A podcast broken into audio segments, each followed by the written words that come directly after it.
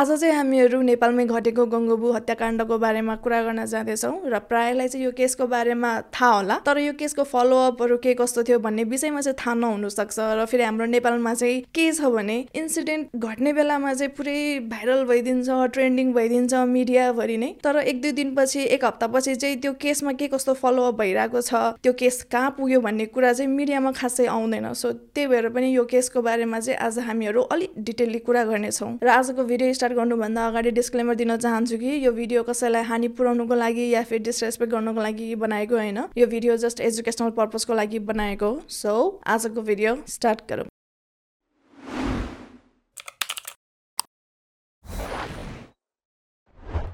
विक्रमसम्म दुई हजार सतहत्तर साल साउन पच्चिस गतेको दिनमा गङ्गबुको नवज्योति राजमार्गमा एकजना सर्वसाधारणको नजर चाहिँ दुईवटा ट्याक्सीहरूको बिचमा रहेको सुटकेसमा गएको थियो र उनी जब त्यहाँ नजिक गएर त्यो सुटकेसमा के कस्तो रहेछ भनेर उनले हेर्न खोज्दाखेरि चाहिँ त्यो सुटकेसको बाहिर चाहिँ रातो रातो कलरहरू लागिरहेको थियो। सो उनलाई चाहिँ शङ्का लाग्न थाल्यो कि कतै रगत पो हो कि के हो कस्तो हो भनेर उनले सबैभन्दा पहिला पुलिसलाई इन्फर्म गरे। त्यसपछि पुलिसहरू घटनास्थानमा आइपुगे अनि उनीहरूले सुटकेस खोलेर हेर्दाखेरि चाहिँ सुटकेसभित्र बिना टाउको र खुट्टाको पुरुषको लास थियो। त्यसपछि पुलिसहरूले त्यो लासको रिमेनिङ बडी पार्टहरू खोजिरहेको थियो किनभने टाउको नभइकन पुलिसहरूले केही इन्फर्मेसनहरू निकाल्नु सकिरहेको थिएन अब कसको लास हो के हो कस्तो हो भन्ने भइरहेको थियो। त्यसपछि उनीहरूले त्यहाँ राम्रोसँग रिमेनिङ बडी पार्टहरू खोजे तर उनीहरूले भेटाउनु सफल भएन। त्यसपछि उनीहरूले उनीहरूको तालिम प्राप्त कुकुर ल्याए अनि कुकुरलाई चाहिँ त्यो सुटकेसमा नाम्लो पनि थियो। त्यो नाम्लो सुँगाएर चाहिँ त्यो एरियामा सर्च गर्नु लगाएको थियो अनि कुकुरले नै खोज्दै गर्दाखेरि चाहिँ सुटकेस जहाँ भेटेको थियो त्यसको तिन सय मिटर पर चाहिँ उनीहरूले त्यो जेब्रा ब्यागमा त्यो जसको लास हो उनको चाहिँ टाउको र खुट्टा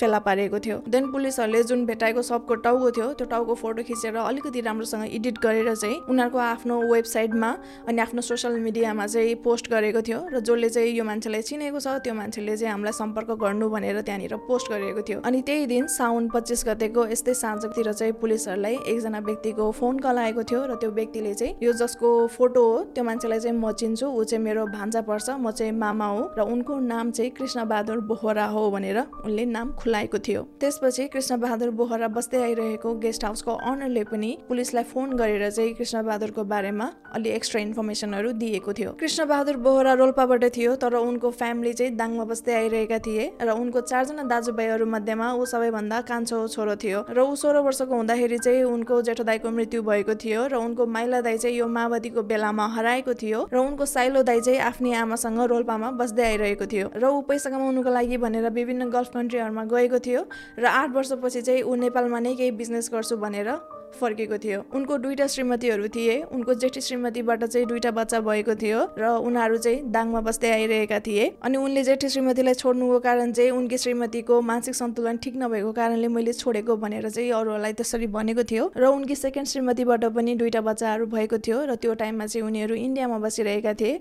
सो त्यसपछि कृष्णबहादुर बोहराले आफ्नी सेकेन्ड वाइफ र बच्चालाई इन्डियामै छोडेर नै ऊ काठमाडौँ फर्केको थियो। अनि काठमाडौँमा उनले गार्मेन्ट फ्याक्ट्रीमा काम पनि गर्ने गर्थे र घटना घटेको भोलिपल्ट साउन छब्बिस गते पुलिसहरू कृष्णबहादुर बोहरा बस्दै आइरहेको गेस्ट हाउसमा खोज तलास गर्नको लागि भनेर गएका थिए तर उनीहरूले त्यहाँनिर त्यस्तो केही सस्पेसियस केही पनि भेटाएन। त्यसपछि हिजोपल्ट जहाँ सुटकेस भेटेको थियो उनीहरू त्यहीँ नै गए कुकुरलाई लिएर गए। त्यसपछि त्यो एरियामा भएको सबै घरहरू चेक गरिरहेका थिए। अनि त्यही चेक गर्ने क्रम भने उनीहरूको कुकुर जो जो चाहिँ एउटा तिन तलाको घरमा अनि हरियो कलरको भएको घरको वरिपरि चाहिँ ऊ त्यहाँ घुमिरहेको थियो। तर पानी परेको कारणले चाहिँ भित्र नछिरेको भनेर पुलिसले बताएको थियो। अनि त्यसपछि अब उनीहरूलाई पनि शङ्का लागेर त्यो घरमा चेक गर्नु जाँदाखेरि चाहिँ त्यो घरमा त्यो घरको एउटा अपार्टमेन्टमा चाहिँ तालचा लगाएर राखिएको थियो। अनि त्यसपछि पुलिसहरूले त्यहाँ छरछिमेकीहरूलाई सोध्न थाले कि यो अपार्टमेन्टमा चाहिँ को बसिरहेको छ र यो अपार्टमेन्टको मान्छे चाहिँ कहाँ गयो भनेर तब छरछिमेकीहरूले यो अपार्टमेन्ट चाहिँ कल्पना मुडबरी पौडेल भन्ने महिलाको हो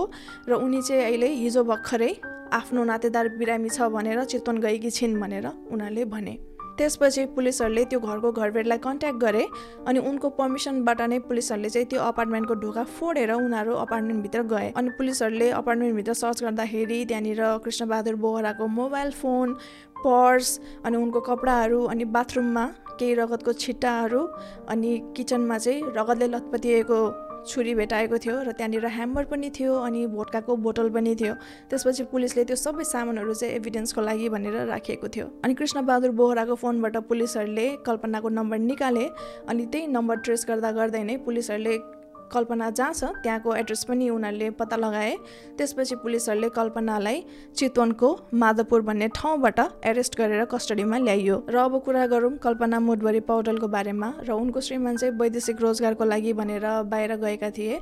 र उनीहरू दुईजनाको बिचमा चाहिँ सम्बन्ध त्यति राम्रो थिएन। र केही समयदेखि चाहिँ उनीहरू दुईजनाको बिचमा बोलचालहरू पनि बन्द भएको थियो र उताबाट उनको श्रीमानले पनि पैसाहरू पठाउनु बन्द गरिसकेको थियो। कल्पनाको तिनजना बच्चाहरू थिए र त्यो घटना हुने बेलामा चाहिँ उनकी सबैभन्दा जेठी छोरी एक्काइस वर्षकी थिइन् जो चाहिँ अलरेडी नै बिहे गरिसकेको भएर उनी चाहिँ आफ्नो श्रीमानसँग बस्दै आइरहेकी थिइन् र उनकी माइली छोरी पन्ध्र वर्षकी थिइन् र उनको सबैभन्दा कान्छो छोरो तेह्र वर्षको थियो। र सोर्सहरूले भनेअनुसार चाहिँ कल्पनालाई डिप्रेसन थियो सो उनी चाहिँ एन्टी डिप्रेसन औषधि पनि लिइरहेकी थिइन् र उनी सुत्नुभन्दा अगाडि जहिले पनि निद्रा लाग्ने औषधि खाएर नै सुत्ने गर्थिन् भनेर पनि भनेका थिए। र पैसा कमाउनुको लागि भनेर उनले केही टेलिसिरियलहरूमा काम पनि गरेकी थिइन् तर उनको कमाइ चाहिँ त्यस्तो राम्रो भएन।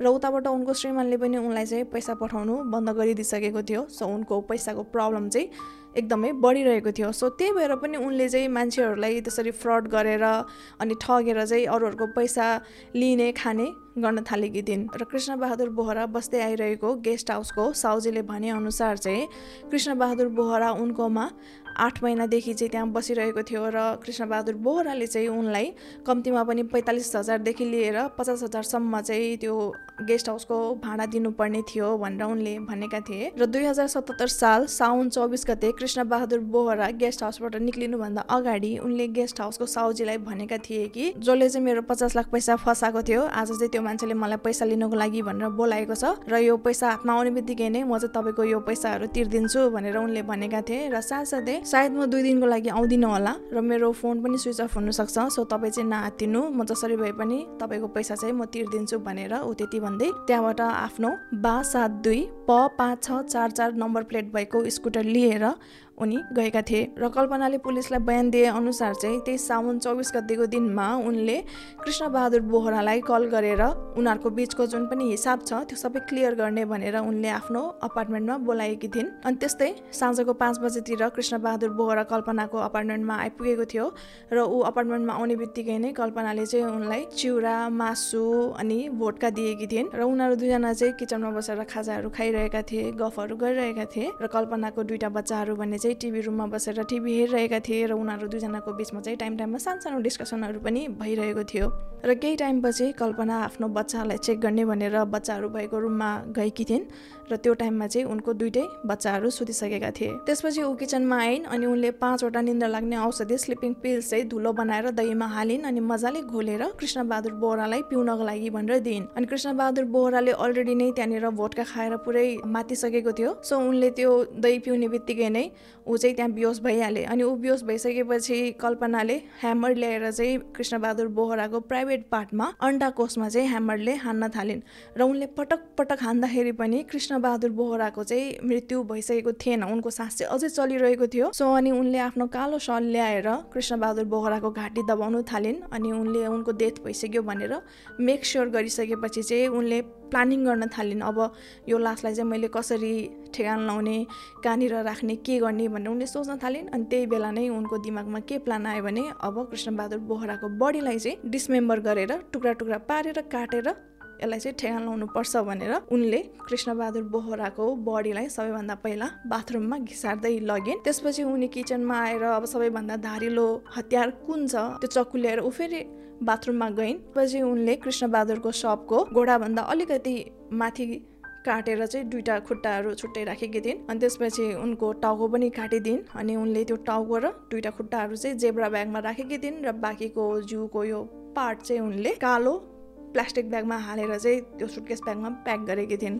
साउन महिनाको टाइम भएको कारणले पनि त्यो रातमा चाहिँ एकदमै धेरै पानी परिरहेको थियो। अनि त्यसपछि कल्पना आफैले नै त्यो जेब्रा ब्याग जुनमा चाहिँ टाउको र खुट्टा थियो त्यो ब्याग लिएर चाहिँ ऊ बाहिर गएर त्यो बडीलाई क्राइम सिनमा छोडेर आएकी थिइन्। त्यसपछि ऊ रुममा आइन् अनि उनले सुटकेसलाई पनि अब बाहिर लानुको लागि भनेर सुटकेसमा नाम्लो बाँधेर उनले बोक्नको लागि ट्राई गरिरहेकी थिइन् तर ऊ एक्लैले चाहिँ गर्नु सकिरहेकी थिएनन्। त्यसपछि ऊ बच्चाहरू भइरहेको रुममा गइन् अनि उनले आफ्नै पन्ध्र वर्षकी छोरीलाई चाहिँ हेल्प गर्नुको लागि भनेर उठाइन्। अनि उनले छोरीलाई पहिल्यै भनेकी थिइन् कि केही पनि क्वेसन नगर जस मलाई छाता उडाउनुमा हेल्प गर्नुको लागि आऊ भनेर उनले भनेकी थिइन्।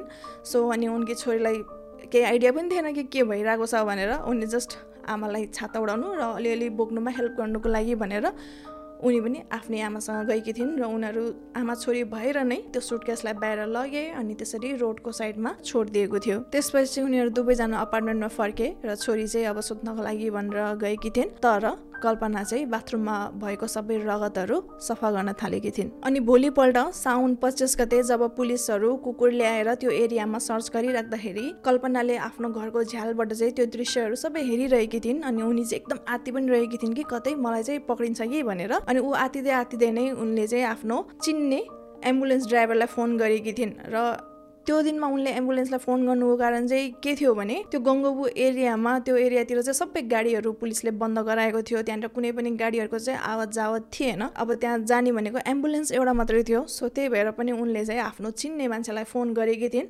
र ठ्याक्कै त्यो बेलामा के भइदियो भने उनले चिनेको एम्बुलेन्स ड्राइभर चाहिँ चितवनबाट बिरामी लिएर काठमाडौँमा आएको थियो। सो त्यही भएर उनले उनलाई फोन गरिन् र घरमा चाहिँ आमा बिरामी छिन्। मलाई चाहिँ जसरी भए पनि चितवन जानुपर्छ भनेर उनले रिक्वेस्ट गरिन् र त्यो एम्बुलेन्स ड्राइभरले चाहिँ हुन्छ म तिमीहरूलाई लान्छु। तर तिमीहरूले चाहिँ मलाई एकजनाको दरले दुई हजार दिनुपर्छ भनेर भनेको थियो। सो उनले चाहिँ आफ्नो दुइटा बच्चाहरू र आफ्नो गरेर छ हजार पैसा चाहिँ त्यो एम्बुलेन्स ड्राइभरलाई दिएको थिइन्। र ऊ चितवन जाने बेलामा उनले आफ्नो छरछिमेकीहरूलाई सबैलाई सुनाएकी थिइन् इन्फर्म गराएकी थिइन् कि मेरो चाहिँ घरमा नातेदार बिरामी भएको कारणले म चितवन जाँदैछु भनेर। र त्यो इन्टरोगेसन गर्ने टाइममा पुलिसले कल्पनालाई सोध्यो कि तिमीले कृष्णबहादुर बोहरालाई मार्नुको मेन कारण चाहिँ के थियो? मेन मोटिभ चाहिँ के थियो? र तिमीहरू दुईजनाले एकअर्कालाई कसरी चिनेको भनेर। सो कल्पना मोडभरी पौडेलले भनेअनुसार कृष्ण र उनको चिनजान चाहिँ तिन चार वर्ष अगाडि फेसबुक मार्फत भएको थियो। त्यही बोलचाल गर्दा गर्दा नै पछि गएर उनीहरूको चाहिँ एफआइआर चलेको थियो र कृष्णबहादुर बोहरा चाहिँ उनको घरमा आउने जाने पनि गर्ने गर्थ्यो। र कल्पनाले पुलिसलाई कृष्णबहादुर बोहरालाई मार्नुको मेन रिजन चाहिँ के थियो भनेर भनेकी थिइन् भने कृष्णबहादुर बोहराले फेसबुकमा कल्पनाको नाममा फेक एकाउन्ट पनि खोलेको थियो। कल्पनाकै फोटोहरू प्रयोग गरेर अनि उनले चाहिँ कल्पनाको न्युड पिक्चरहरू नाङ्गो फोटोहरू चाहिँ अरू केटाहरूलाई पनि प्राइभेट मेसेजमा पठाउने गर्थ्यो र कृष्णबहादुर बोहराले उनलाई जबरजस्ती गर्ने खोज्थ्यो रेप गर्नु खोज्थ्यो र हुँदा हुँदा उनकी छोरीलाई पनि नराम्रो नजरले हेरेको र उनकी छोरीलाई पनि रेप गर्ने धम्की दिएको कारणले मैले चाहिँ कृष्णबहादुर बोहरालाई मारेकी हुँ भनेर उनले भनेकी थिइन्। तर पछि पुलिसहरूले राम्रोसँग अनुसन्धान गर्दाखेरि चाहिँ के कुराहरू खुल्यो भने कल्पनाले चाहिँ कृष्णबहादुर बोहराबाट अलिअलि गरेर पचास लाख ऋण लिएकी थिइन् र उनले चाहिँ त्यो पैसा फिर्ता गर्नु सकिरहेकी थिएनन् अनि कृष्णबहादुर बोहराले चाहिँ त्यही भएर उनलाई त्यो फेसबुक एकाउन्ट खोलेर अनि त्यो फोटोहरू पठाएर चाहिँ धम्कीहरू दिने गर्ने गर्थ्यो र कृष्णबहादुरको एकदमै मिल्ने साथी एल्जा थापाले भनेअनुसार चाहिँ कृष्णबहादुर बोहराले कल्पनालाई एकदमै मन पराउने गर्थ्यो र कल्पनासँग नै बिहे गरेर बस्ने चाहिँ उनको सोच थियो भनेर नि उनले भनेकी थिइन्। सो त्यही भएर पनि कृष्णबहादुर बोहराले चाहिँ कल्पनालाई ब्ल्याकमेल गरिरहेको थियो कि यदि तिमीले पैसा दिएन भने मसँग बिहे गर्नुपर्छ या फिर तिम्रो फोटोहरू चाहिँ म यसरी अझै मान्छेहरूलाई सेन्ड गरिदिन्छु भनेर। कल्पनाले पनि कृष्णबहादुर बोहरा डराओस् भनेर उनले कृष्णबहादुर बोहरालाई धम्की दिएकी थिइन् कि यदि तिमीले यो सबै कुराहरू अहिले बन्द गरेनौ भने म चाहिँ पुलिस स्टेसनमा गएर तिम्रो एगेन्स्टमा मलाई रेप गरेको र मेरी छोरीलाई रेप गर्नु खोजेको भन्ने केस फाइल गरिदिन्छु भनेर उनले भनेकी थिइन्।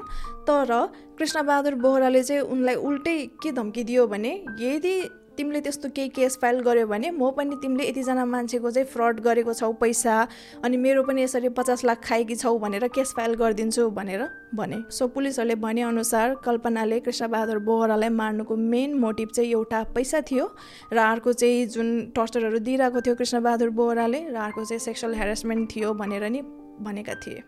र पुलिसहरूले चाहिँ कल्पनासँग अरू पनि मान्छेहरू इन्भल्भ भएर चाहिँ कृष्णबहादुर बोहरालाई मारेको होला भनेर सोचिरहेका थिए। तर बारम्बार कल्पनालाई सोद्धाखेरि पनि कल्पनाले चाहिँ म एक्लैले मारेकी हुँ मैले यसरी यसरी यसरी मारेकी हुँ भनेर उनले भनिरहेकी थिइन्। र जब कल्पनाले लास्ट ठेगान लाउने बेलामा चाहिँ मेरी छोरीले हेल्प गरेकी थिइन् भनेर भनिन् तब चाहिँ पुलिसहरूले उनकी पन्ध्र वर्षकी छोरीलाई पनि पुलिस स्टेसनमा ल्याएर चाहिँ इन्टरोगेसनहरू गर्न थाले। र पुलिसले छोरीलाई पनि बारम्बार सोधिरहेको थियो कि अरू मान्छेहरूको पनि केही इन्भल्भमेन्ट छ कि छैन त्यो केसमा भनेर तर छोरीले चाहिँ मलाई यो केसको बारेमा केही पनि थाहा छैन र मलाई यो विषयमा नै केही पनि थाहा छैन। मैले त जस्ट आमालाई त्यो सुटकेस लानुमा मात्रै हेल्प गरेकी भनेर उनले भनिन्। र छोरीको बयान लिने बित्तिकै नै पुलिसले प्रेस कन्फरेन्स राखेको थियो साउन सत्ताइस गते। अनि त्यो प्रेस कन्फरेन्समा चाहिँ कल्पना नै कृष्णबहादुर बोहराको हत्यारा हो भनेर सबै पब्लिक गराएको थियो र पुलिस साथसाथै पब्लिक पनि एकदमै सक थिए कि एउटी महिलाले त्यो सबै हरेफिक काम गरेको भनेर। त्यसपछि कृष्णको फ्यामिलीले यो केसलाई सर्वोच्च अदालतसम्म लगे अनि घटना भएको सात महिनापछि दुई हजार सतहत्तर साल फागुन बिस गते कल्पनालाई म्यान्सलटर र मर्डर चार्जमा उनलाई आजीवन कारोबासको सजाय सुनायो र उनी जबसम्म जिउँदो हुन्छ तबसम्म नै उनले चाहिँ जेलमा नै सजाय बिताउनु पर्छ भनेर उनलाई सजाय सुनाएको थियो। र उनकी छोरीको यो मर्डर केसमा केही हात नभएको कारणले इन्भल्भमेन्ट नभएको कारणले उनलाई चाहिँ फ्री छोडिदिएको थियो र उनकी छोरीको एज त्यो बेलामा जम्मा पन्ध्र वर्षको मात्रै थियो विच मिन्स माइनर एज थियो र यो माइनर एजको कारणले पनि उनको परिचयहरू चाहिँ पब्लिस गराएको थिएन र म तपाईँहरूलाई के पनि रिक्वेस्ट गर्छु भने प्लिज कमेन्टमा चाहिँ उनकी छोरीको के भयो कहाँ छ यहाँ हो भनेर चाहिँ क्वेसन नगरिदिनु होला। र यदि कुनै पनि केसको बारेमा मैले भनिराख्दाखेरि माइनर एजको छ भने सानसानो बच्चाहरूको कुरा छ भने र मैले नाम लिएको छैन भने चाहिँ प्लिज तपाईँहरू बुझ्नु कि उनीहरूको राम्रोको लागि नै उनीहरूलाई चाहिँ फ्युचरमा बाँच्नको लागि इजी होस् सोसाइटीमा उनीहरू लाइक मजाले राम्रोसँग हुर्किनु सकोस् भनेर नै उनीहरूको परिचयहरूलाई चाहिँ सबै सबै देशमा नै गोप्य राखिएको हुन्छ। सो त्यो कुरालाई चाहिँ रेस्पेक्ट गरौँ। मेरो कुराले नराम्रो चाहिँ नमान्नु होला। सो आजको लागि यति नै। आई होप तपाईँहरूलाई आजको भिडियो राम्रो लाग्यो होला भनेर। राम्रो लाग्यो भने लाइक दिनु नबिर्सिनुहोस्। र यस्तै क्राइम स्टोरी सुन्नलाई इन्ट्रेस्टिङ लाग्छ भने सब्सक्राइब पनि गरिदिनु होला। र यो केसलाई लिएर आफ्नो केही ओपिनियन छ भने नि कमेन्ट गरिदिनु होला। र तपाईँहरूलाई एउटा एकदमै हम्बल रिक्वेस्ट गर्न चाहन्छु कि म तपाईँहरूले कमेन्ट गर्दाखेरि चाहिँ केसको बारेमा पनि कमेन्ट गरिदिनु होला भनेर लाइक कुनै कुनै केसहरू क्या कन्फ्युजिङ हुन्छ क्या डिबेटेबल हुन्छ नि त। तर कसैले पनि केसको बारेमा कुरै गर्दैन। आई मिन तपाईँहरूले अभियसली राम्रो राम्रो कमेन्ट गर्नुहुन्छ त्यसमा खुसी छु। बट कहिले कहिले चाहिँ कुनै कुनै अब त्यस्तो डिबेटेबल केसहरू हुँदाखेरि चाहिँ कमेन्ट गरिदियो भने मलाई एकदमै खुसी लाग्छ। त्यस्तो गर्दाखेरि चाहिँ मेरो मेहनत खेर गएको छैन जस्तो लाग्छ। आई मिन ए है मान्छेले मेरो स्टोरी ध्यानले सुनिरहेको छ है भन्ने चाहिँ मलाई फिल हुन्छ सो यसको लागि पनि माइन्ड नगर्नु होला जस्ट मेरो थट हो। अनि यो केसमा रिसर्च गर्नुको लागि हेल्प गरिदिएकोमा पनि रिदम भाइलाई धेरै धेरै धन्यवाद। सो यदि तपाईँहरूलाई कुनै पनि स्टोरी सजेस्ट गर्नु मन छ भने तपाईँहरूले मलाई मेरो इन्स्टाग्राममा फेसबुकमा रेडिटमा मेसेज गर्नु सक्नुहुन्छ र सबै सोसियल मिडियाको लिङ्क चाहिँ तल डिस्क्रिप्सन बक्समा हुनेछ। सो आजको लागि यति नै। अर्को क्राइम स्टोरी लिएर अर्को भिडियोमा आउनेछु। त्यतिन्जेलसम्मको लागि stay safe and one more guys and one more thing. Choose your partner wisely. Never ignore the red flags. Bye bye